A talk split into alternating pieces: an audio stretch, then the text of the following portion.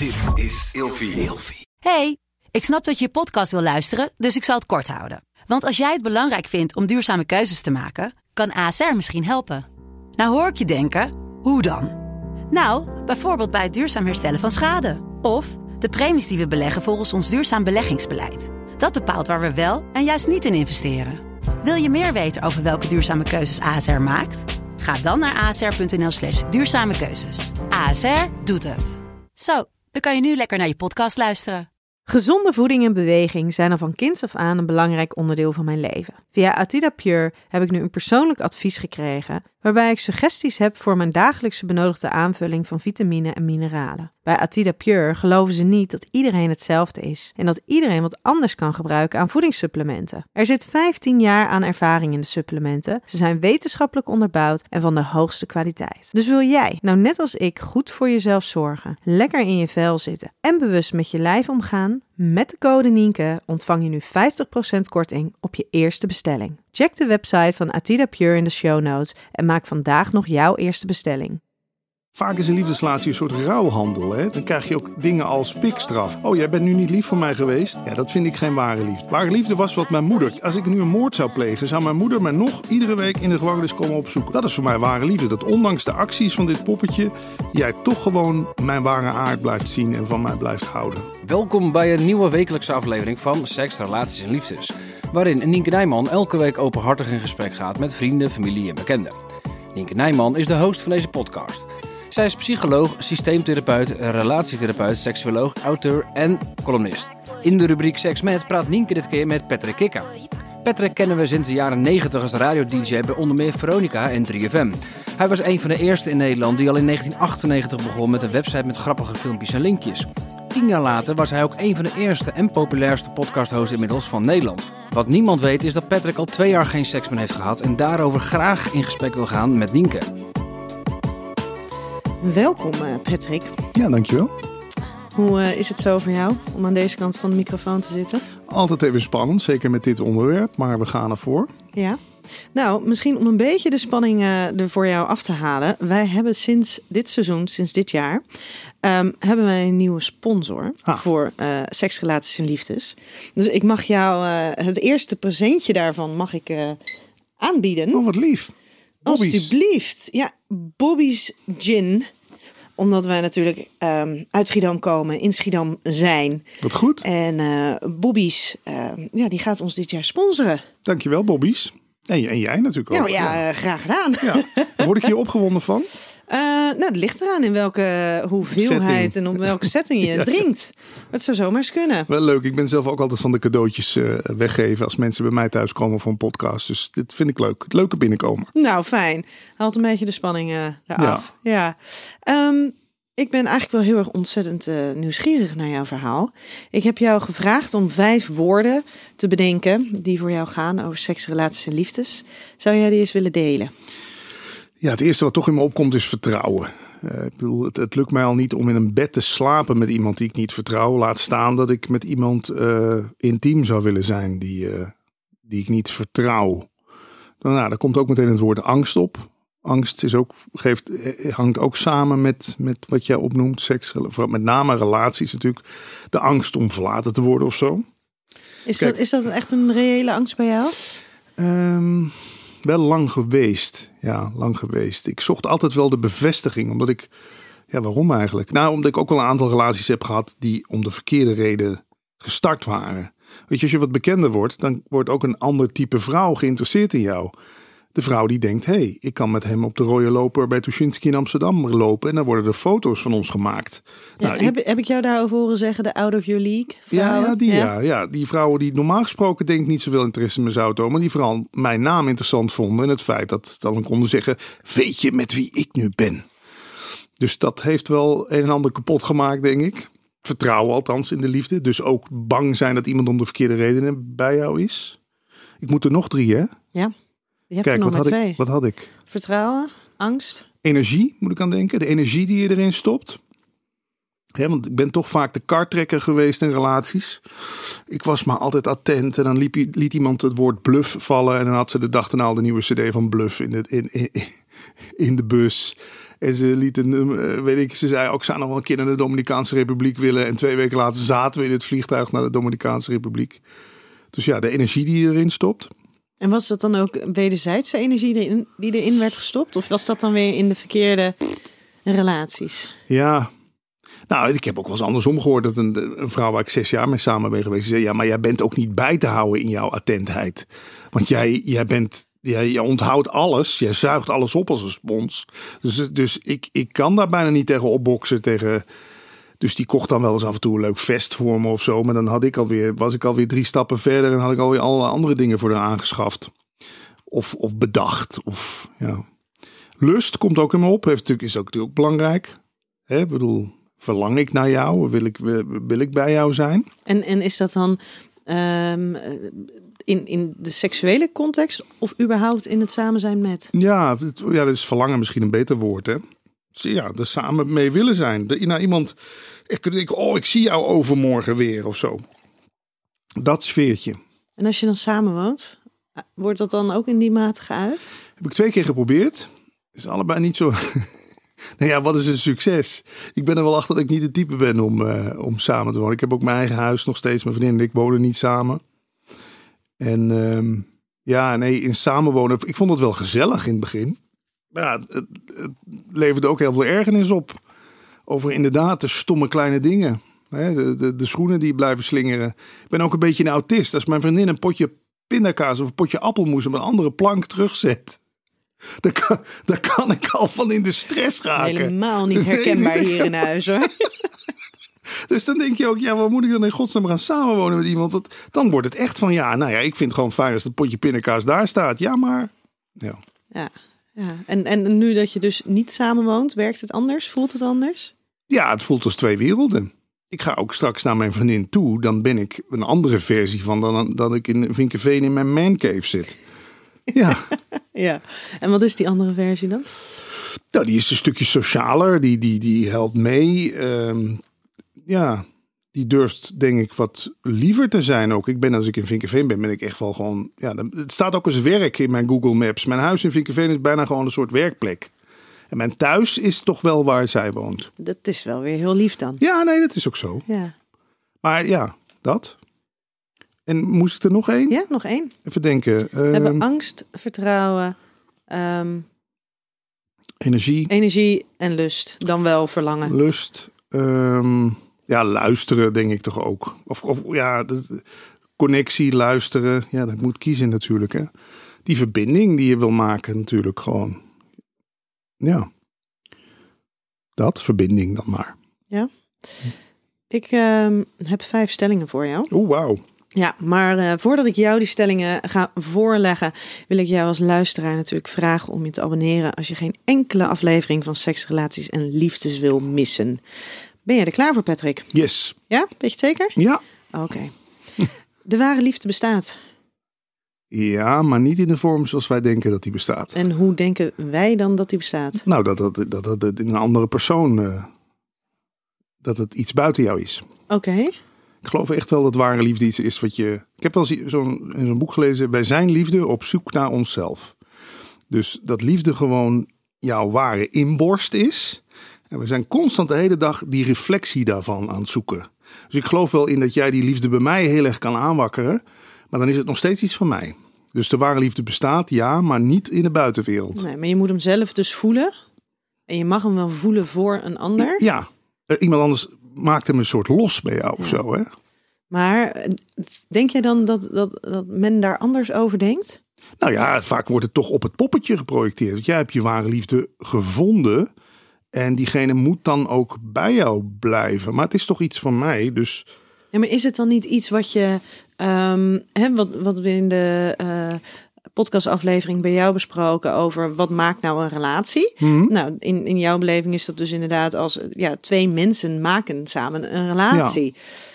Maar is dat dan ook niet wat ware liefde is? Dat dat dus tussen twee mensen uh, bestaat? Want de een roept het op bij de ander, maar de ander voelt het. Ja, dat is waar. Ja, ik hoop dat. Ik hoop. Kijk, vaak is een liefdesrelatie een soort rouwhandel. Hè? Dan krijg je ook dingen als. Wat ik dat straks ook liet vallen, dat woord pikstraf. Oh, jij bent nu niet lief voor mij geweest. jij, eh, ik onthoud jou, mijn liefde, dit weekend. Ja, dat vind ik geen ware liefde. Waar, ware liefde was wat mijn moeder. Kijk, als ik, als ik nu een moord zou plegen, zou mijn moeder mij nog iedere week in de gevangenis komen opzoeken. Dat weet ik 100% zeker. Dat is voor mij ware liefde. Dat ondanks de acties van dit poppetje, jij toch gewoon mijn ware aard blijft zien en van mij blijft Maar houden. kan dat dan niet tussen eh, twee, twee volwassene partners bestaan? Jawel, maar ik merk toch vaak dat het toch aan voorwaarden gebonden is een beetje. Of ik heb me dat zelf in mijn hoofd gezet. Dat kan Of is ook. dat hoe jij het hebt ervaren? Nou ja, van mijn vaders kant bijvoorbeeld wel. Mijn vader was natuurlijk altijd, was natuurlijk, ja, die was vaak. Waarom ben je toch zo? Weet je wel, dan ga je als kind denken, oh, ik moet dus op een bepaalde manier zijn. En dan, Om jouw liefde te kunnen ja, ontvangen. dan krijg ik van jou liefde. Dan hou jij van me. Maar zit er dan ook een stuk onvoorwaardelijkheid in? Ja. Of in, ja, i- Ja. op dat moment voorwaardelijkheid in? ja, dat, ja, dat. En dat heb, ik ben dat in een liefdesrelatie, ik kom het wel tegen. Maar niet altijd. Nee. Ik vind het wel zonde. Want liefde zou toch inderdaad iets universeels moeten zijn. En niet afhangen van jouw acties. nee, maar ik denk ook wel dat, eh, dat het er ook oprecht kan zijn tussen twee partners. Alleen het zal er niet binnen elke relatie zijn. Zeker niet. Want het moet ook iets zijn waartoe je in staat bent om dat te kunnen. Mm. Ja. Hè, kunnen houden van de ander, ongeacht wat, wat er gebeurt. Of Ja. ongeacht het gedrag Ja. wat er plaatsvindt. Ik heb natuurlijk veel ehm, spirituele figuren geïnterviewd, onder andere Byron Katie. En ze zegt, zij zegt bijvoorbeeld, er is alleen maar liefde of een verborgen roep om liefde. En dus dat diegene die keihard staat te tetteren op de hoek van de straat en kwaad is en zo, dat hij eigenlijk roept, heb mij lief. Ja, zie mij, Ja, hoor zie mij. mij. Ja, en dat vind ik zo mooi. Dat je dus ook bijvoorbeeld in een ruzie. Dat je eigenlijk gewoon dat kan vertalen of zo. Hè? Dat je weet, ja, maar jij, roept, jij spreekt een enorme behoefte uit. Je doet het op een hele lelijke manier. Daar ben ik het niet helemaal mee eens. Maar jij roept eigenlijk keihard om liefde. Ja, En ik krijg er gewoon kippenvel van. Het emotioneert me zelfs. Dat ik denk, ja, dat. Als je, als je op dat punt komt dat je die liefde kan, zelfs in een ruzie, die liefde kan herkennen. Maar ja, wat gebeurt er vaak met een ruzie? Dan wordt, dan wordt het nog, nog dagenlang wordt het je nog verweten of zo. Ja, maar zo, als jij zo blijft doen. ja, ja. Nee, maar dat is inderdaad, maar dat is denk ik waar de ware liefde om gaat. Ja. Dat kunnen. Volgende stelling. Hm. Seks moet een belangrijke rol hebben binnen een relatie. Ja, dat wordt ons wel aangeleerd, hè. Nou ja, je, je hoort het al in de intro. Ik, ik, ik zit in een relatie en we hebben inderdaad al, al ik denk een kleine twee jaar geen, eh, niet, niet meer de daad verricht, zullen we maar En, zo en zeggen. jullie zijn nu drie jaar samen? Ja, drieënhalf. Ja. ja, allerlei oorzaken. Ja, daar hoop ik met jou natuurlijk straks ook een beetje achter te komen. Maar nee, we zijn er wel achter gekomen dat, dat het niet moet. Want dan waren we toch al lang uit elkaar geweest, denk ik dan. Als dat zo belangrijk was geweest. Ja, maar ehm, heb je dat voorheen wel als dusdanig ervaren? Hmm. Even denk, ik denk dan aan mijn vorige relatie. Nou, het was een soort. eh, In mijn vorige relatie was het een soort graadmeter. Zij ging zich op een gegeven moment helemaal voor mij afsluiten. Ja, dan komt het ook niet meer tot seks natuurlijk. Nee, want seks gaat ook om verbinding. Ja, en dan moet je openstellen voor die anderen. Zeker als vrouw. Ik, kan me voor, ik bedoel, er heeft ooit één keer één vrouw ongewild haar tong in mijn mond gestoken. Dat weet ik nog tot de op de dag van vandaag. Dus ik zit ook te denken, hoe moet het voor jou als vrouw zijn als je je letterlijk opent voor iemand die, die dan bovenop je komt liggen of zo. Ja, ik snap het ook wel. Het is iets, het is iets enorms qua overgave. En nee, het moet, het moet niet wat mij betreft. Ik bedoel, ik mis het ook niet echt. Ma- Maar- maken we de afwezigheid van seks groot? Ja, dat vind groot? Ik, ja, dat vind ik wel.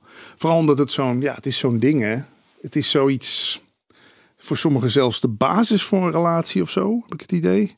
Oké, wij, wij seksen met elkaar, dus daarom zijn we ook bij elkaar of zo, weet ik het. Of, ja. Nou, voor, voor heel veel mensen, die, die geven er ook de invulling aan of de betekenis aan. Dat, het, eh, dat, dat, dat ze dan pas kunnen zien dat de ander van hen houdt. Oh, ja. Nee. Nee, want ik ben ook zo'n beelddenker. Weet je, ik heb ook ooit de diagnose ADHD gehad. Ik vind ook als je seks, als je seks sec gaat bekijken terwijl je niet geil bent, is het toch ook een rare daad. Die benen in de lucht en dat bewegen en dat kreunen en, en dat.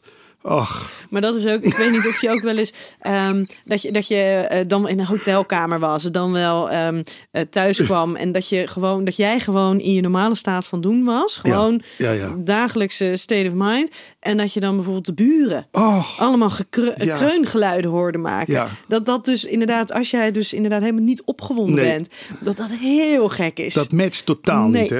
En ik, heb dat, ik vind het ook zo raar. Als je bent klaargekomen, dan is het bijna als je zo- zo- zoiets ziet. Je, eh, je, die krijgt er een afkeer van. Ja, maar dan is dus gewoon die opwinding, die is dus weg. Ja, En dan kom je, kom je eigenlijk weer een beetje bij. ja. Weer, Ja. weer- word je een beetje normaal. Word je weer een beetje nuchter. Ja, seks is mijn hele leven al een, een thema. Omdat ik, ik was vrij laat. Ik was 19 toen ik voor het eerst seks had. En ehm, ja, ik heb als jonge jongen had ik pukkels en puber. En ik was heel onzeker. En thuis een soort voorbeeld gehad van mijn vader. Van eh, ja, als een blote tiet op tv is, wegwezen. Waar is de afstandsbediening? ik had met mijn broer, hadden we zo'n koffer met seksboekjes. Die lag verstopt onder het, de wasmachine.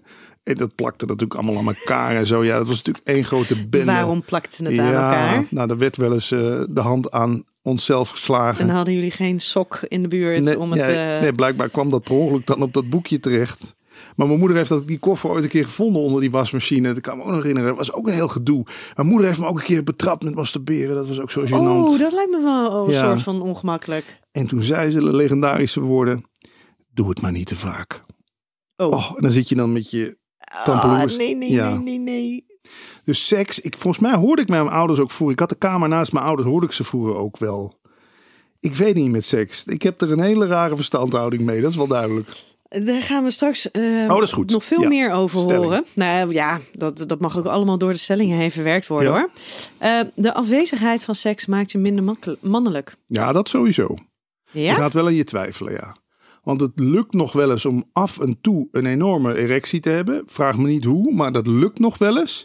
En dan, ga je, dan voel je je toch gewoon als man dat je denkt, ha, het zit er dus toch nog. Ook al kan je er op dat moment niks Ja. mee doen. Ja, ja het is echt een, een, Maar wat, wat is dat dan? Ja, dat is dat wapen wat je dan in je handen hebt of zo. Letterlijk. Ja, het is toch een verlengstuk van je, ja, van je mannelijkheid, van je ego, van je. Ik kan ook echt, als ik, als ik eh, als porno zie of zo, en ik zie iemand, ik zo, die heeft een, die heeft een goede erectie. Ja, Alsof, maar dat is altijd een beetje vertekend beeld. Ja? Hè? Dat is niet helemaal oké. realistisch. Ja, ik weet niet, ik kan me ook nog herinneren een keer met een, met een, dat zijn we die dingen die blijven er echt bij. Ja, sorry, ik vind het een beetje gênant om te vertellen, maar ik vertel het toch. Ik lag een keer met een vrouw in bed en die, dus ja, die haalde mijn, hoe noemen we het hier? Gewoon piemel? Ja, penis. Penis omhoog, omlaag, eh, uit de broek. En die zei, nou, nou, nou, Patrick, Patrick, Patrick. Ja, dat is een enorm compliment natuurlijk. Dat je denkt, dat is, als je als vrouw een man een compliment wil geven. Is dat het? Zeggen van, moet je iets over de schoenen zeggen? Nee, als je de, de, de, het lid in stijve toestand en zegt, nou, nou, nou. Ja, dat is En dan toch... eh, op een positieve manier Ja, positieve kijken. manier. Want Zo van, kan natuurlijk... wat een, Wat een wat heb jij? Ja, dat is, dat is me altijd bijgebleven. Maar Ja. dan, dan kan ik me voorstellen dat als die dus wel aanwezig Ja. is, dat dat inderdaad een gevoel heeft van.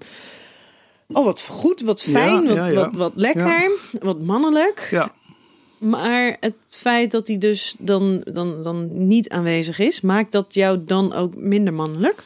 Ik denk het wel. Een van de laatste keer dat mijn vriendin en ik seks hebben gehad, toen ging het ook niet helemaal vlekkeloos, zeg maar. Toen werd hij slap of ik kan me niet meer zo heel veel van herinneren. Misschien blok ik het wel, maar ja, dan vind je wel dat je als man toch een soort van tekort schiet of eh, terwijl zij het waarschijnlijk zichzelf aantrekt en denkt van ja, ik zal wel niet meer aantrekkelijk genoeg zijn of zo. Ja, het, do- het doet, Bizar hè, wat Ja. het dan kan doen. het doet iets met je zelfbeeld.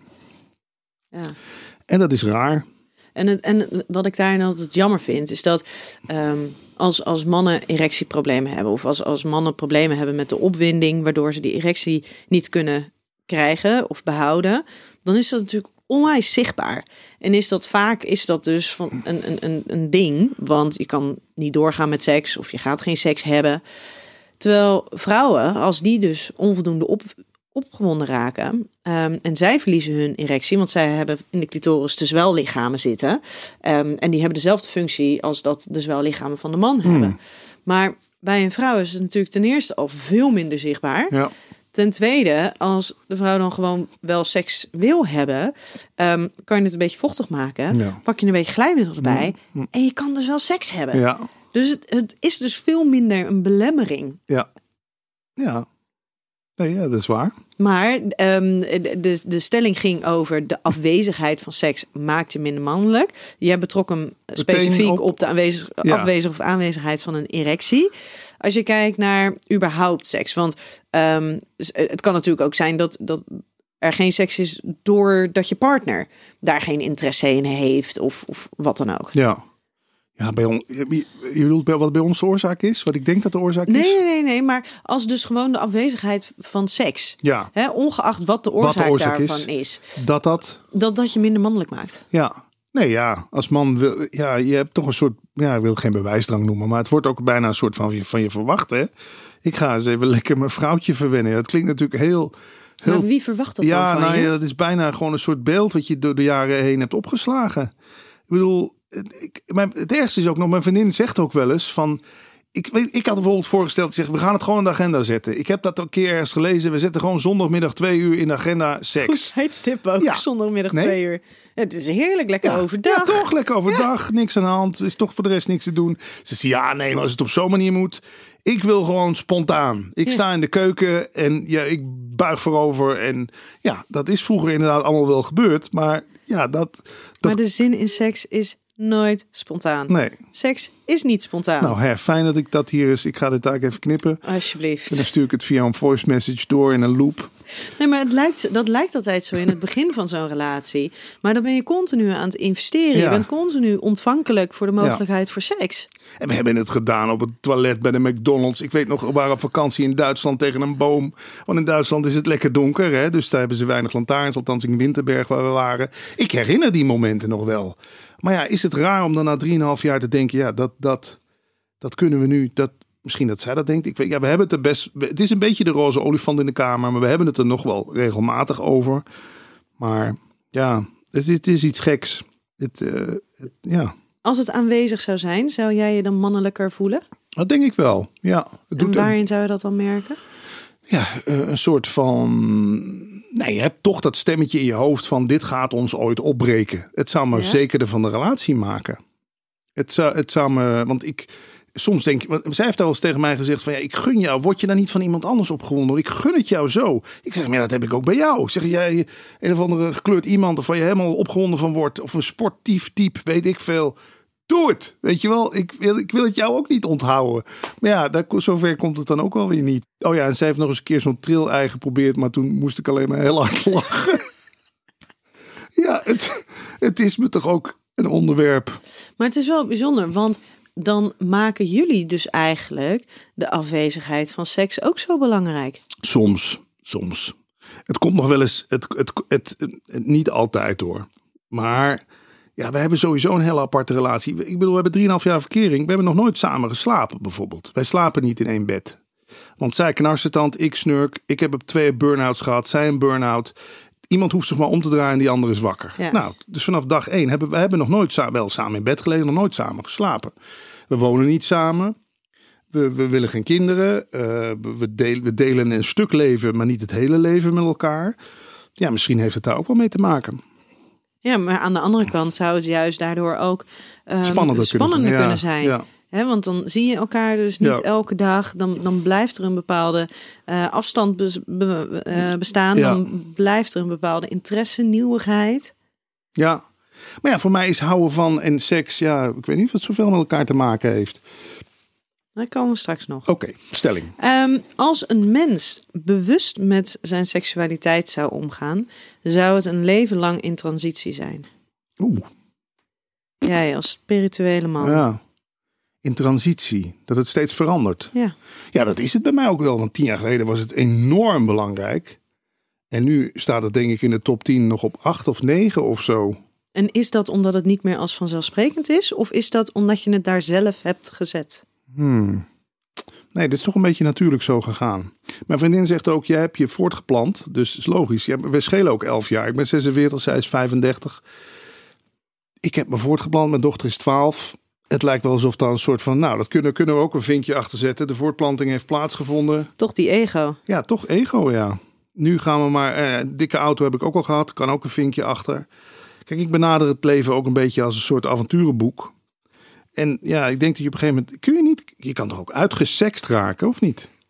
Tuurlijk kan dat. Ja, omdat je het ook, ik bedoel, ik, ja, ik heb natuurlijk ook allerlei vormen van seks wel meegemaakt. A- seks die komt aanwaaien, seks uit wraak. Hè, dat er een of andere vrouw. Ja? nou ja, een vrouw ging mij appen. Die wist dat haar man was vreemd gegaan. Ik wil nu dat je naar me toe komt, want ik ga het betaald zetten. Ja, dan ben je een jongen van 30. Daar zeg je, geen, daar zeg je geen nee op. Eh, ik, heb, nee, ik heb dingen meegemaakt. Ook met een, nou, de vrouw van een bekende Nederlander, zullen we maar zeggen.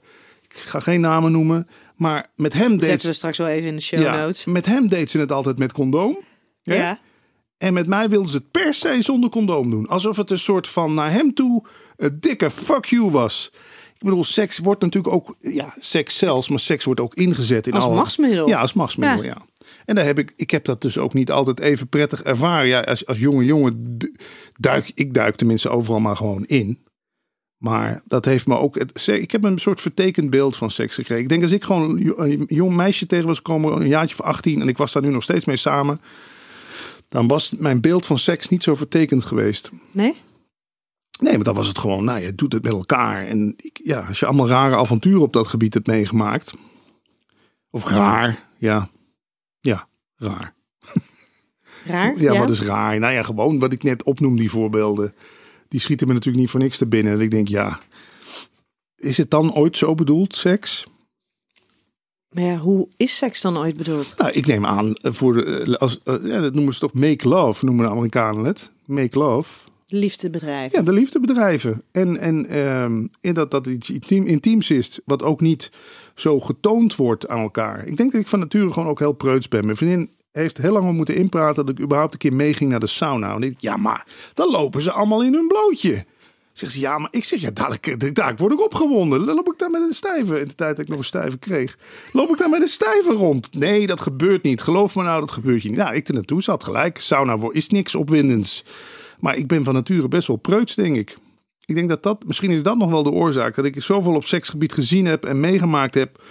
Dat ik denk, ja, dat past niet meer bij me. Nee. Hey, seks en intimiteit zijn hetzelfde. Oh nee, dat zeker niet. Nee? Nee. Nee, want intimiteit is natuurlijk ook, ja, wat jij ook in je podcast, een, een podcast hebt horen vertellen. Lief briefje, aanraking, knuffel, cadeautje. eh, dit soort gesprekken voeren kunnen zelfs al heel intiem zijn. Het is goed dat jouw man er nu bij zit. Oh, zou mijn vriendin. Nee, mijn vriendin. Ik neem ook wel eens een podcast met mijn vriendin op. Ik denk als die dit hoort. En die zou bijvoorbeeld weten dat jij vrijgezel bent. Zo zou ze nog wel hier eens jaloers op kunnen worden. Dat zijn al intieme dingen die je met elkaar deelt. Hè? En hoe zit het dan eh, met de intimiteit in jullie relatie? Ja, dat zit denk ik wel goed. Het is het een beetje af en aan. Omdat er ook wel, ja, het is ook wel een vertrouwensissue. Mijn vriendin, ik wil niet te veel namens haar praten, maar die heeft wel aardig wat gezeik op liefdesgebied meegemaakt. En dat heeft haar vertrouwen in de liefde ook wel weer een deuk opgeleverd. Ik heb natuurlijk ook best wel pijn ervaren door vrouwen die dan alleen maar geïnteresseerd waren in mijn visakaart. Dus ik, ik denk dat wij elkaar wel op dat gebied ontmoeten. Dat we weten van, we zijn, we zijn best wel heel voorzichtig. Zo van, oeh, dit, ja, dit is glad ijs waarop we ons begeven. Maar ja, dat van elkaar accepteren en begrip voor hebben, vind ik ook al intiem. Waarom moet zij veranderen voor mij? Waarom moet ik veranderen voor haar? Ja, ik zie daar niet echt het nut van in. Nee. Maar vinden jullie ook echt de verbinding in die intimiteit? Niet altijd, maar wel regelmatig. Ja, onze relatie is ook een beetje als een geintje begonnen. We waren be- bevriend. We liepen door de. Ja, het zijn anekdotes, ik vertel ze maar. We liepen door de bouwmarkt. En bij het hang- en sluitwerk begon, begon ik haar ineens te zoenen. Oké. Ja, en dat was een soort van eh, bijna voor de gein. Ze zei, waarom deed je dat nou? Ik zeg, ja, ik was me aan het vervelen. Dan moest ze kaart lachen. En toen kwamen we thuis. En toen begon ik haar nog een keer te zoenen. Ja, en toen is wel... Toen, het is eigenlijk het is vanuit vriendschap geboren bij ons. Dus ik vind ook de goede basis voor een liefdesrelatie... is gewoon een, ik weet niet of je het met me eens bent... maar een hele goede vriendschapsband. En, en echt een, een, een, een diep vertrouwen in elkaar of zo. Of een, een op elkaar kunnen rekenen. Maar is het dan, dan ben ik helemaal met je eens, maar is het als het vanuit een vriendschap ontstaat, is er dan ook niet het risico dat die seksuele relatie dus Ja. daarin misschien wel een beetje te lijden heeft? Klopt. Ja, nee, dat denk ik ook. Ik denk ook dat wij op de eerste plaats gewoon echt elkaars beste vrienden zijn. En daarbij dus nog een stuk houden van. En nog wel een stuk aantrekkingskracht. Want als ik, eh, als wij we tongzoenen nog wel eens met elkaar. Dan zeg ik ook tegen haar, oh, ik voel wel wat gebeuren, zeg ik dan zo tegen haar. Nou, dan is zij weer blij. Want, maar dan ja, komt het op de een of andere manier niet dan op dat moment tot iets. Tot seks. Ja, of ja. ja. het is iets geks. Blijf ik maar zeggen. Seks is iets geks. Seks Klinkt is goed. iets geks. Nou, seks is in ieder geval iets heel complex geworden. Ja, ook mooi. Ja. Want ehm, jullie zijn ongeveer 3,5 jaar samen. Ja. Is ongeveer een periode van twee jaar geen seks. ja, anderhalf, twee. We zijn vorig jaar in Curaçao geweest. Is ook niks gebeurd. Op dat gebied althans. Want dat dachten we ook van, we moeten op vakantie met elkaar. Weet je wel. Dan, dan vliegen, vliegen de vonken er weer vanaf. Nee. Nee. Maar ehm, hoe, hoe, hoe werkt dat dan? Hoe gaat dat dan? Want jullie zijn dus wel intiem. Jullie zoenen nog wel eens. Mhm. Ehm, is, is, is, proberen jullie nog wel eens seks te hebben? Is het iets wat jullie beiden niet willen? Of ben je bang voor de teleurstelling? Ja, dat speelt natuurlijk ook.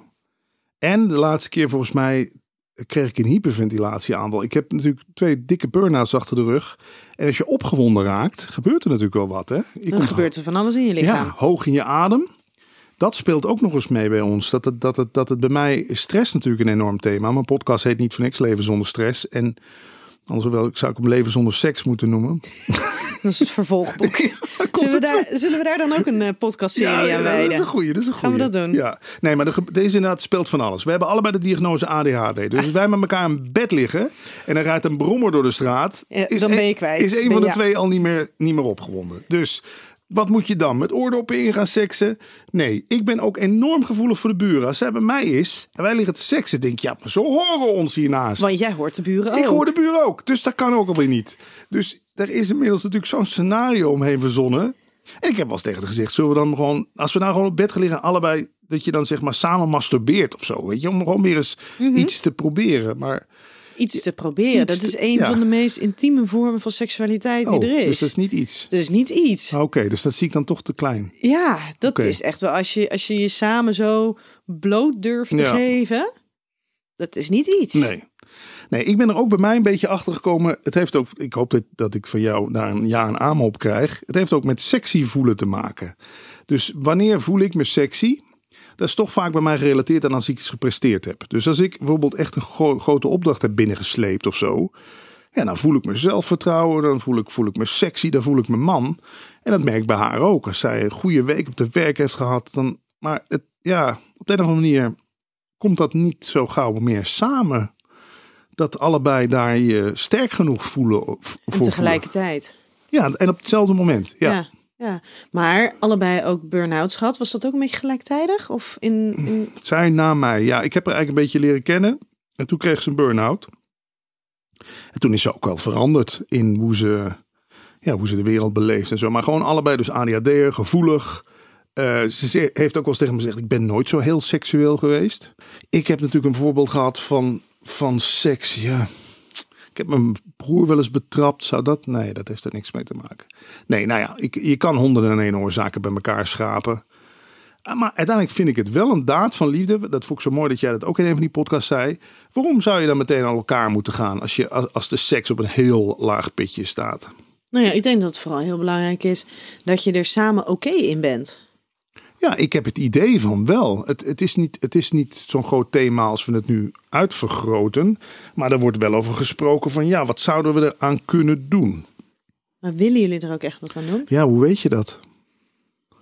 Of vind je het wel prima zo? Nou, dat is een goeie. Want het is ook een soort van, het kan ook een soort van help me maar verander me niet. Ja. Nou, ik kwam bijvoorbeeld laatst, was ik bij mensen thuis. De jongen zei, kijk eens wat ik heb. Heet Cobra of zo, een van de pilletje. Oh, ja, een soort de, de, Camara- de Viagra. Ja, ja. Hij zegt, nou, als je dat inneemt, jongen, Ja. dan wordt het echt een, een, een- een kinderarmpje, wordt het. Weet je wel, zo wordt dan gesproken, hè. En toen dacht ik meteen, ik mijn vriendin meteen een foto appen. Hier, kijk wat die gast heeft. Ja, nul reactie. Ja, dan denk ik ook, ja, dan zal zij wel niet daar... Dan zal ze misschien wel denken van, ja, maar als jij dat moet nemen om met mij seks... Ik ga, je moet je al aan een, aan een pilletje, hallo. Je moet, misschien denkt zij wel, je moet van mij opgronden raken. Ik weet het, ja, dat weet ik dan niet precies. Kunnen, jij, kunnen jullie daar samen oprechte gesprekken over voeren? Over alles, maar dit is wel een onderwerp dat je denkt, ja. Dat vind ik toch ook, je moet eigenlijk seks niet te veel over praten, maar gewoon doen, toch? Of, Eh, ja, maar aan de andere kant is ook... hoe meer je over seks weet, hoe leuker het wordt. hmm.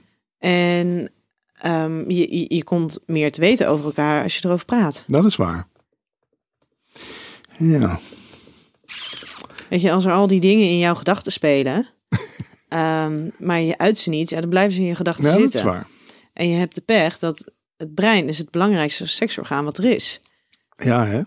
Je moet alleen weten hoe je het, moet omgaan gaan inzetten als je erotische brein. Ja. Oh, oké. En, niet, erotische. en niet als je brein wat alleen maar bedenkt, nou gaat het lukken? Nou wil zij wel, wil ik wel? Ja. Voel ik me wel mannelijk genoeg? Voel ik me wel sexy genoeg? Eh, Ja. Dat is natuurlijk niet heel opwindend. Nee.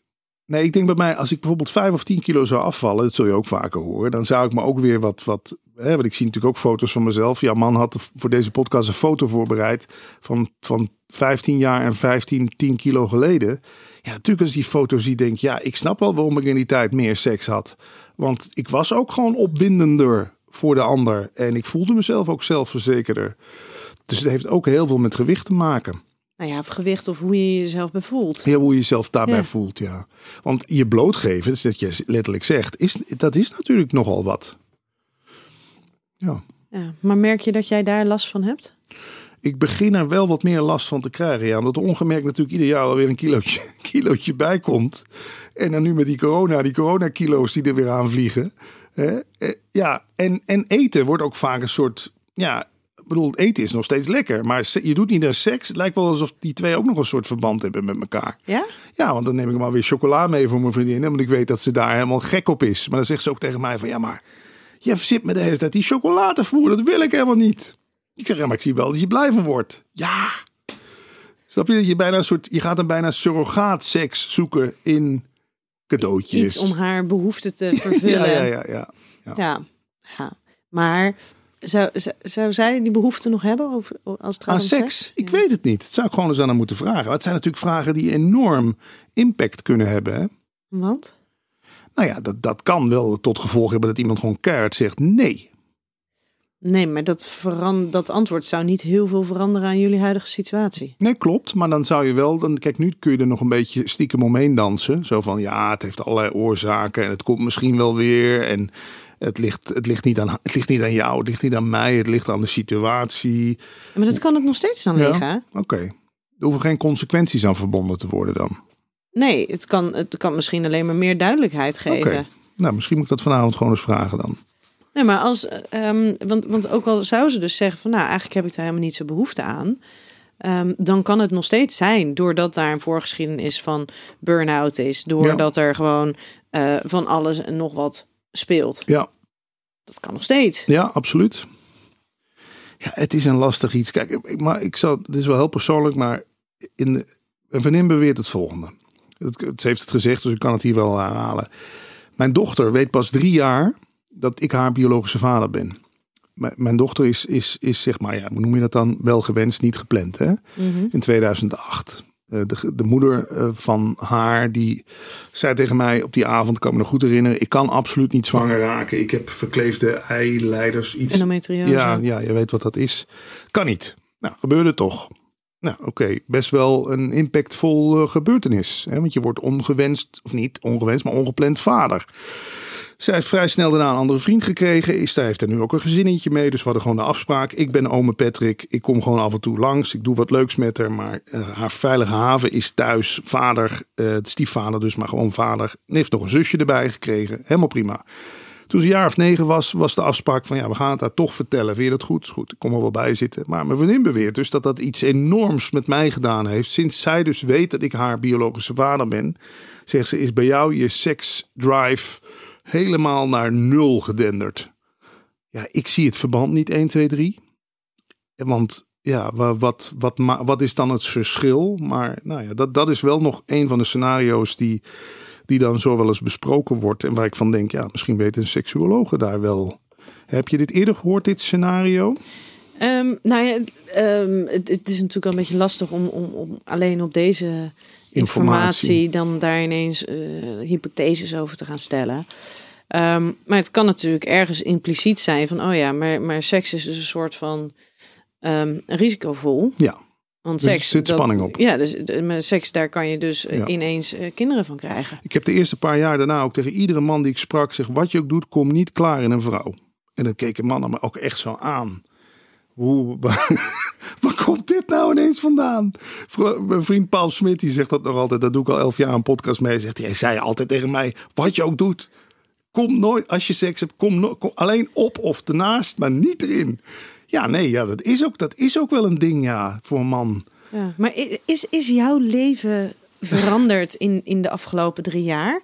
Ben jij ineens zeg maar een vader geworden? Mm, ietsje. Maar zij noemt mij nog steeds gewoon Patrick. En, want ik heb, we hebben ook afgesproken, de gezinssituatie blijft hetzelfde.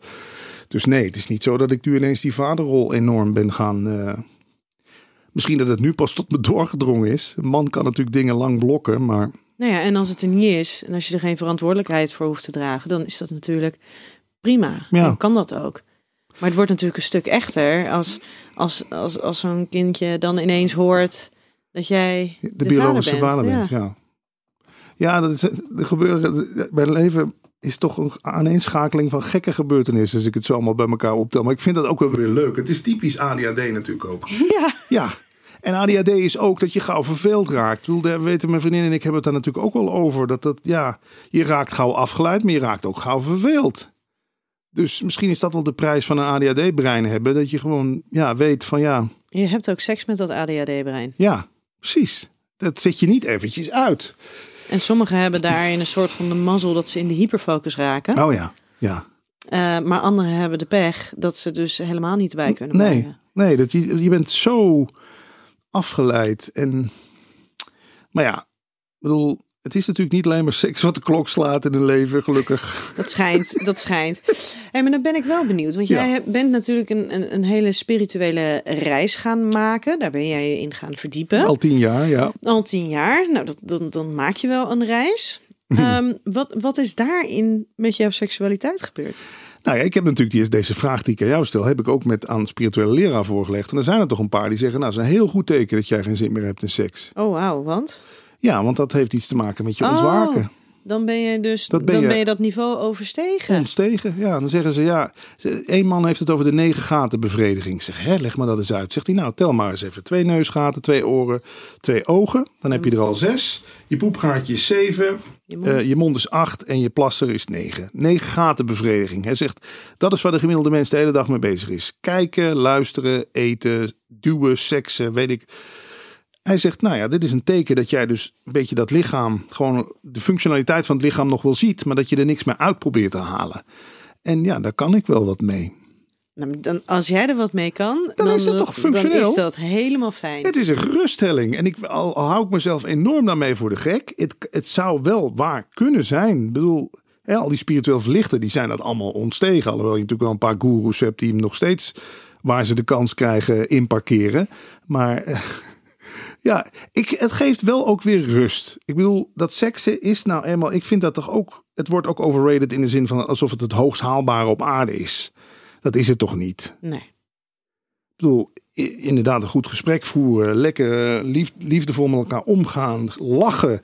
Als je mij de keuze zou geven tussen een goede grap en, en of nooit meer lachen of nooit meer seks. Nou, dan weet ik het toch gauw wel wat ik kies. Ja? Ja, lachen natuurlijk. Eh, hebben en ja, seks wel niet meer. hebben, ja. geen seks hebben. Ja. Maar zou dat eh, twintig jaar geleden ook zo zijn geweest? Nee, nee. Nee? Nee, toen was het het hoogst haalbare.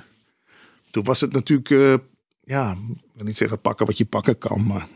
Maar zit daar dan, want, want wat ik dan een beetje spannend vind daarin, hè, is, want ik begrijp heel goed dat je je als mens ontwikkelt en in je twintiger jaren, zeker als je in de belangstelling staat, zeker als je de, de, de aandacht krijgt, dan, dan zijn vrouwen en dan zijn seks zijn daar gewoon een, een, een wezenlijk onderdeel van, jou, van jouw leven. Eh, op het moment dat je dan ouder wordt, nou, dan wordt dat minder relevant. Ja. Ehm, en wordt dat minder belangrijk. Maar is het dan inderdaad dat je voor jezelf een bepaald punt ontstijgt?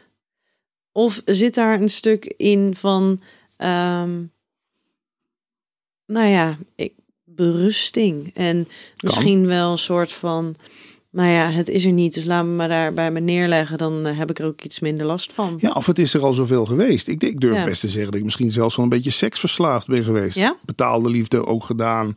Eh, Betaalde liefde. ja, noem ik het dan maar even. Betaalde seks bedoel je Ja, dan? is dat geen liefde? Nou, weet niet. Als ik aan ik noem- liefde denk, denk ik toch meer iets aan een, aan een partner. Nou ja, betaalde liefde waren dan misschien in relaties waar ik iemand met cadeautjes voor me probeerde te winnen. Nee, ja, ik heb het natuurlijk op allerlei niveaus wel onderzocht, gezocht.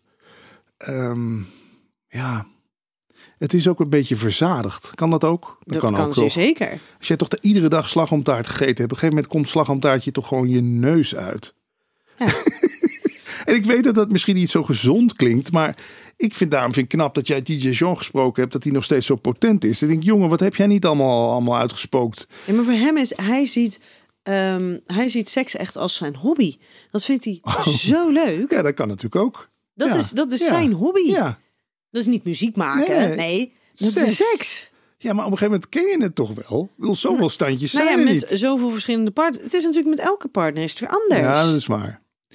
Ja, misschien heb ik op seksgebied ook wel gewoon dingen meegemaakt waar ik liever niet meer aan terug wil denken. Dat kan ik ben niet verkracht, maar Ben, je, ben je een beetje getraumatiseerd door, door seks en, en de, de, de, de vrouwen daarbij?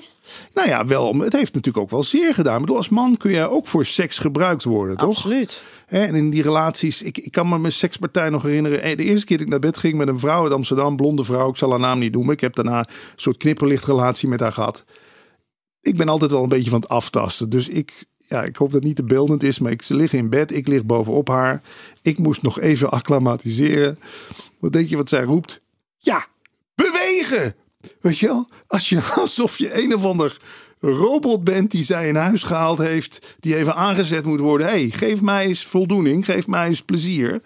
Ik denk dat ik dat misschien ook wel iets te veel heb meegemaakt. Dat ik gewoon werd ingezet als een soort van, net zoals ik net vertelde van die getrouwde vrouw, als een soort wraakmiddel. Dat ik ingezet werd als een soort bevredigingsmiddel. Maar was jij daar dan zo ontvankelijk voor? Ik blijf zeggen, als je een blond, mooie blonde vrouw, dat je willoos bent op dat moment. Zeg dan nog maar eens nee. Ja, maar toch lijkt het niet helemaal. want jij was degene, jij was de bekende Nederlander. Bekendere naam. Bekendere ja. naam. Ja, Dus dan zou je eerder denken andersom. dat het andersom zou zijn. En niet dat men daarin gebruik zou maken van jou. Ja, nee, ja. Of dat gaat misschien hand in hand. Dat zou natuurlijk Een ook soort kunnen. karma misschien. Dat ik ook wel. an- Ja, ik heb natuurlijk andersom ook wel. Maar andersom is het ook veel gebeurd hoor. Ja, en dan voel je je daarna ook vies of een soort gebruikt. Of, eh, ik weet zelfs dat er nog één vriendinnetje was. Die had een soort trauma op, op orale seks. En die, die vond mij wel interessant, maar ook weer niet heel erg. Maar die ging met mij een soort van uitspelen van... Nou ja, oké, leer jij me dan nou eens even hoe, dat, hoe ik dat dan goed moet doen en zo. Je, toen werd ik een soort proefobject. Kan ik me nog wel herinneren. Toen was ik een jaartje of, denk 30 of zo. Dan moest ik haar leren hoe dat dan moest of zo, weet je wel. Ja. Maar goed, ik noem nu, voor- ik heb natuurlijk ook wel voorbeelden van denk dat het wel klopte. Maar seks heeft bij mij inderdaad nooit 100% geklopt. En, en relaties, want jij hebt meerdere ehm, eh, relaties gehad. Ja, Ehm, eh, had jij dat zo ooit voor je gezien? hoe bedoel je? nou, dat, je, dat jouw leven zou bestaan uit, uit verschillende relaties. Of had jij gedacht, ik eh, kom eh, begin 30, kom ik een partner tegen. Daar ga ik een gezinnetje mee Ja. Nee, maar daar was ik ook veel te onrustig voor. In die radiotijd, weet je, er wordt zoveel aan je getrokken en van je gevraagd. Dat je bijna niet de rust hebt om, om eh, een fatsoenlijke relatie, eh, liefdesrelaties combineren met een eh, echt een enorme carrière in de media. Nou, ik geef het je te doen. Nou ja, ik ben ik helemaal met je eens. Ja, Petje af. Ik heb wel eens dagen dat ik inderdaad van het ene interview naar het Ja. andere moet. Ik word er helemaal, helemaal hondsdol van. Het is, het is bijna niet te combineren. En het, eh, vooral nog eens met alle verleidingen die op de loer liggen en de aandacht die je krijgt. Ik bedoel, als je op de radio iets roept, komen er ineens duizend appjes binnen. Dan krijg je lekkere stofjes van in je kop, hè? Sta je weer op een podium voor 20.000 man op de Dam in Amsterdam. Het is niet gek dat als je de dag daarna een appje krijgt van je vriendin... Ja, dat dat iets minder lekkere stofjes oplevert of zo. Of dat het, Minder, minder ja, of het is, die dopamine is weg of die is op of zo. Ik heb een tijdje ook bij een artiestencoach gelopen, Daisy Gubbels. Die heeft me dat ook helemaal uitgelegd. Die zegt, ja, roem is net zo verslaand als heroïne. Ja. Werkt op hetzelfde Ja, systeem met de ja. dopamine, serotonine. Dus dat, al Dat die aandacht... als met, met, met liefde, hè? Ja? Oké. Nee, maar mijn vriendin, mijn vriendin zei ook letterlijk tegen haar ouders toen ze mij leerden kennen: Google hem maar niet. Want dan krijg je een enorm verkeerd beeld van hem. En ze zei ook, ik vond je altijd maar een eikel op de radio. Zo, eh, Om het te zeggen, ik was, toen was ik blij. Ik denk, och, die is in ieder geval niet bij me. Omdat ze denkt, goh, kijk, dan kan ik eens laten zien wie er... Maar dat hoor je toch van heel veel echt bekende mensen. Gordon en zo. Die ook niet echt de liefde kunnen vinden. Omdat heel veel mensen om de verkeerde redenen Ja. met hun omgaan. En als ze dan iemand vinden die wel best wel oké is of oprecht is, dat de buitenwereld er dan zoveel van vindt. Ja. En dan komt het weer onder druk te staan, onder een vergrootglas. Dus ja, het is een offer. Ik denk dat het daar ook veel mee te Is, maken is dat heeft. echt een offer? Is, breng je dat offer als je in de media wil werken? Ik in ieder geval wel. Ik denk dat mijn liefdesrelaties langer stand hadden gehouden. Als ik dat niet gewe- ge- gewend was geweest, al die aandacht en al die druk ook. Is, is er iemand bij geweest waarvan je in, in retrospect en dan even niet zeggen dat je huidige relatie, dat je die Mhm. ervoor op zou geven, ehm, maar die je in retrospect langer in je leven had willen hebben? Hmm. Nou, dat denk ik wel. Ja, ik denk dan toch terug aan mijn eerste echte. Ja, mijn eerste echte vriendin was een Vlaamse. Ik heb nog steeds een zwak voor Vlaanderen. Die Vlaamse vrouw. Maar ik heb natuurlijk ook, ja, als je onzeker wordt. Ik, ik ben heel onzeker op liefdesgebied ge- begonnen, zullen we maar zeggen. Weet je wel. Ik had ook echt het idee, mijn hele hebben en houden hangt daarvan af. Als je, als je heel gevoelig bent, beleef je dat soort emoties natuurlijk ook enorm. Hè? En De als je liefde. ADHD hebt, Dat- dan heb je natuurlijk geen filtertjes Nee. naar binnen en naar buiten. Dus het komt allemaal binnen. Oh, ik denk, dat ik, ik denk dat ik nu pas een gezonde liefdesrelatie kan hebben eigenlijk. Omdat er wat meer filtertjes zitten, omdat het wat milder is. Ja, gelijkwaardigheid gewoon. Ondanks het leeftijdsverschil. Bij mij was het toch altijd zo. Of ik stond hier en zij stond daar. Of zij keek enorm tegen mij op en ik stond iets hoger. Ja, ik, dat vond, uiteindelijk lijkt me dat toch niet een prettige basis voor een liefdesrelatie. Dat je, ja, dat, het hoort toch gelijkwaardig te zijn. Dat het af en toe een beetje zo doet. Oké. dat houdt maar- elkaar in balans dan. Ja. Maar ik hoor ook wel eens het verhaal te zeggen: nee, er moet juist tussen jullie frictie zijn en, en, en hoger, lager. Want dat resulteert juist in goede seks, zeggen ze me dan. Ja, dat is, dat is een beetje hoe je het eh, bekijkt en welke theorie je volgt. Ehm, want sommigen inderdaad, die kunnen heel goed eh, ruzie maken en die kunnen ook heel goed seksen. Eh, maar ruzie maken is lang niet altijd goed voor je relatie en de veiligheid en de verbinding. Nee, en dan heb je, als je bijvoorbeeld goed maakt seks hebt, moet je jezelf ook heel goed afvragen van ja, maar ehm, voelt het zo goed omdat je zo opgewonden bent? Of voelt het zo goed omdat de angst om de ander te verliezen minder wordt? Ja, ja dat ja. Ja, bindingsangst en verlatingsangst is natuurlijk ook een enorm thema. Ook Ja. denk ik wel bij mijn vriendin. Bij mij misschien eerder nog de. Ik weet niet, is er een verschil tussen bindingsangst en verlatingsangst? Of is het gewoon hetzelfde? Nou, bij bindingsangst dan ga je dus al de verbinding niet aan. Bij verlatingsangst ga je vaak wel sneller de verbinding aan, maar ben je daarna dus heel erg bang om hem kwijt te raken. Ah, ja. Dus bij de ja, bij de dus stagneert het al bij de voordeur. Ja. Ja, dan kom ik toch weer met mijn spiritualiteit om de hoek zeilen. Kan iemand anders wel van jou zijn? Dat vond ik ook altijd zo raar. Ja, maar wanneer is iemand van jou? Ja, precies. Nou ja, maar zo, die liedjes gaan er toch allemaal over. I can't live as living is without you. You complete me. Blijf bij Ja, mij. maar goed, dat is ook een beetje de romantiek. En, Ja. en daarin is de romantiek is eigenlijk een beetje funest voor, voor de ware liefde Ja. en oprechte liefde. En, en, en echte relaties. Want die zijn vaak helemaal niet zo romantisch. Nee, maar e- echte liefde zou toch mogen zijn dat jij ieder moment van de dag in principe gewoon weg zou kunnen gaan. Dan zou ik toch nog van jou moeten kunnen houden. Dat moet toch wederom niet aan voorwaarden gebonden zijn. Nou, maar het is toch ook wel eens dat je, eh, dat je van mensen hoort van ja, ehm, mijn, mijn, mijn eh, partner was, is niet meer gelukkig, was niet meer gelukkig. En ik hou zoveel eh, van, van diegene, dus ik, ik heb haar laten gaan. Ga in maar. liefde. In liefde iemand Ja. laten gaan. Ja. Ga Ja. maar uitzoeken wat je nodig hebt. En, en als je besluit om terug te komen, dan ben ik hier. Ja, Ik denk dat dat wel echt een onderdeel van echte liefde is. Ja. absoluut. Iemand durven los te laten. Ja, en elkaar ook niet echt nodig hebben. Snap je wat ik bedoel? Vertel. Nou ja, als jij toch, als ik niet 75% ben zonder jou, dat vind ik al raar. Eigenlijk zou ik toch gewoon 100% moeten zijn zonder jou. En jij bent ook 100% en samen komen we en dan zijn we samen 200%. Ja, maar dan heb je dus inderdaad het verhaal van je bent gewoon twee individuen en je komt samen en er is een, een, een overlappend stukje wat jullie verbindt, ja. maar je blijft twee individuen personen. Ja. ja, dat is wel een beetje wat met mijn vriendin en ik aan de hand is. We zijn heel. Zij is heel zelfstandig. Ik ben heel zelfstandig. Ik ben misschien ook nog wel meer de vrouw in de relatie dan zij. Zij is meer tomboy type. Daar viel ik altijd al op. De tomboy-achtige vrouw. De, zelfstandig. Ze zit ook onder de tatoeages. En ze is, weet je, zij, zij zou nog eerder een band verwisselen dan ik. Ja, dat speelt bij ons ook. Wat dat betreft past er wel bij elkaar. Want ik heb een wat gevoeligere vrouwelijkere kant. Dus we vullen elkaar wel aan. Ja, Ben jij eh, eh, sinds je burn-outs gevoeliger geworden? ja absoluut. Nog veel meer. Ik slaap met oordoppen. Ach, je moet me eens in bed zien liggen. Ik slaap met oordoppen. Zo'n Gordon-maskertje. Ja. Slaapmuts op. eh, verzwaringsdekens. Waarom een slaapmuts? Ja, vind ik lekker, vind ik lekker warm. Ja, nu, anders voel je het zo tochtig. Ik heb niet meer zoveel haar, hè. Maar goed, verzwaringsdekentje. Ja, ik lig er, ik lig er heel erg erotisch Super bij. sexy bij. Nee, niet dus. Met nog Nee. een half trainingspak aan. En ja, de slaap is mij sowieso heilig. En eh, hoe kwamen we op dat onderwerp? Of je gevoeliger bent Oh geworden ja, sinds nee, de burn-out. ben ik dus. Ja, de deurbel staat altijd uit. Ik, ik, eh, ja, ik, ben, ik, kijk, die, ik heb 40 jaar en 20 jaar gestopt bij de landelijke radio. Dus ik, ben, ik heb dit systeem enorm uitgeput. Laten we het zo maar zeggen. Ik heb echt Je hebt echt roofbouw gepleegd. ja, roofbouw gepleegd. En daar, daar betaal ik nu op bepaalde gebieden inderdaad wel de prijs voor. Dat zal op seksgebied ook wel zijn.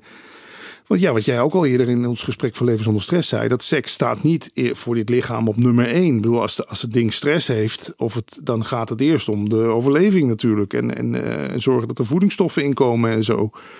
Dus ja, ik, ik denk dat dat bij mij ook al aan de hand is. Ja, dat dit lichaam op een gegeven moment besloten heeft van, "Hé, jongens, Het is je mooi hebt- geweest. Het is mooi geweest. Ga je Ja, energie maar in andere dingen ja, stoppen. ja, ja, ja, dat kan. Ja. Klinkt misschien triest. Maar kijk, ik zeg ook, ik ben al op mijn 42ste met pensioen gegaan. Misschien had ik dat niet zo hardop moeten zeggen. Maar ja, dan ben je. Want, nu kan je niet meer terug? Nou ja, misschien ben ik ook wel op pensioen, met pensioen gegaan op seksgebied. In de zin van, als je dat hardop tegen jezelf zegt, dat doet wel iets met een mens. Dan ben je 46 en dan. Ja, ik denk ook echt als ik gewoon een normaal leven zou hebben, een vaste baan, vaste kaartclub, voetballen op zaterdagochtend, dan was er ook meer seks. Maar, maar is dat dan niet iets waarvan je zegt, nou, misschien Moet ik dat? moet je dat weer wat meer gaan doen?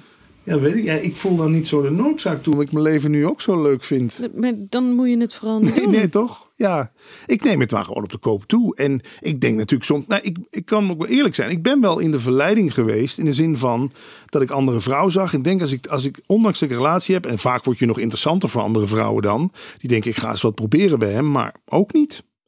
Dat ik dacht, ja, maar waarom zou ik dat? En sowieso het eerste, dat vond ik mooi van mezelf. Het eerste wat ik dacht, ik denk, ja, wat doe ik haar aan als ik hier nu op in zou gaan? En dan kom ik weer met dat ik seks toch een egoïstische daad vind. Zeker als je het buiten de deur gaat zoeken. Ik bedoel, wat- dan, wat, wat is dat dan? Dan. ja, Ik wou zeggen, ik denk dat dit een, eh, een mooie laatste. Ja. reactie is. ja, sorry, ik heb gewoon niet meer zoveel met seks. Ik, Nee, maar dat mag en dat Ja. is je goed recht. ja, En ik denk dat het heel goed is dat mensen dat, dat ook eens horen. Want ik denk dat er heel veel mensen zijn die merken dat seksualiteit Ja. minder belangrijk wordt. ja. Dat is, dat is toch ook logisch. In het begin is dat het hoogst haalbaar als jongen van 14, 15. En dan ben je 30 jaar verder. Ja, ik, ik vind het ook een beetje gênant. Mensen die dan 55, 60 zijn. Iedere week naar de parenclub. Ik zie het aan mijn broer. Die, die is heel vaak naar de parenclub geweest. Denk, jongen, jongen, jongen. Wat zit je er...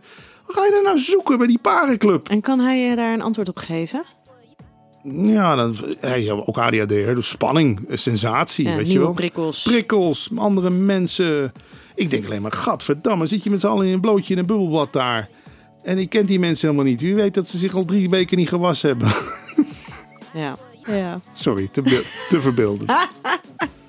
Ik ben ook helemaal niet visueel ingesteld. Oké, dus, eh, hey, wij gaan eh, dan deze eh, aflevering afronden Ja. met deze zeer, zeer visuele beelden. Maar wat is je advies nu aan mij? Daar ben ik wel benieuwd naar. Wat Wat, wat, moet ik doen? Gewoon doorgaan zoals ik doorga? Of er nog meer over praten? Of... Nou, ik denk dat het wel goed is als jullie samen daar in het gesprek eh, aan kunnen gaan. En misschien dus niet eens zozeer in, in het stukje van we moeten hier wat anders eh, van maken, van die seksuele relatie. Maar in ieder geval volledig er oké mee zijn dat het is zoals dat het Ja. is. Want dat zegt die spirituele leraar wel. Die zegt ook tegen mij: eh, een heel goede ontwikkeling dat je geen zin meer hebt in seks. Mits je met iemand samen bent die er ook zo over denkt. Als je aan haar merkt dat het haar angst geeft, doe het. Zegt hij dan tegen me. Dan doe je Gewoon doen. doen. Gewoon doen. Je doet het dan om haar gerust te stellen. Ik denk, oh ja, nou ja. Nou, dus dan moet ik, ja, dan. Maar ja, hoe Toch kom- dat gesprek aangaan toch dat dus. gesprek aangaan. Vragen of het haar angstig maakt. Ja? Ja, ga ik doen. Dankjewel voor je openhartigheid. Jij ook. En ik hoop eh, dat dit ook anderen helpt om eh, hun eigen seksualiteit een beetje vorm te geven. Ik hoop het ook. Helemaal goed. Dankjewel.